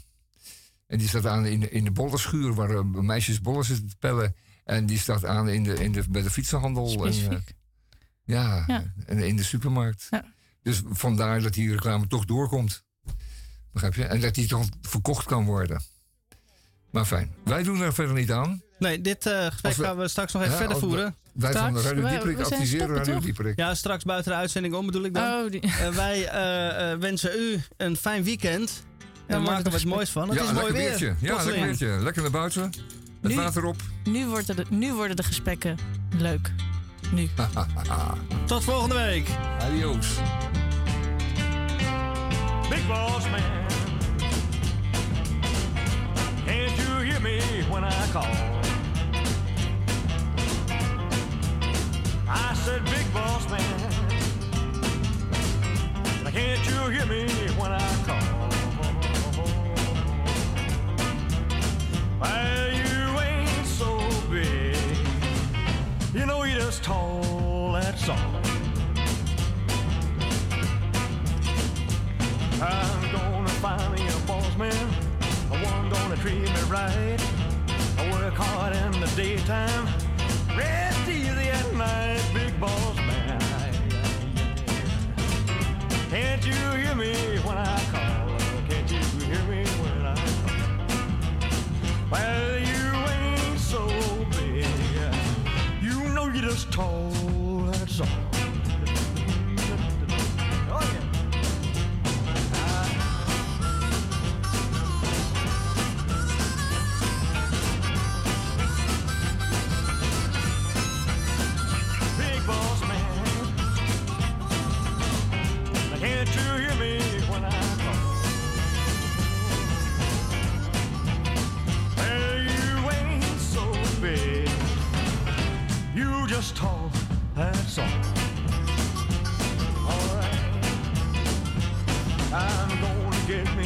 Man.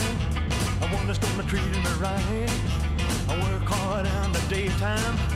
Rest easy at night, a big boss man. Can't you hear me when I call? I said you ain't so big. You know you're just tall, that's all.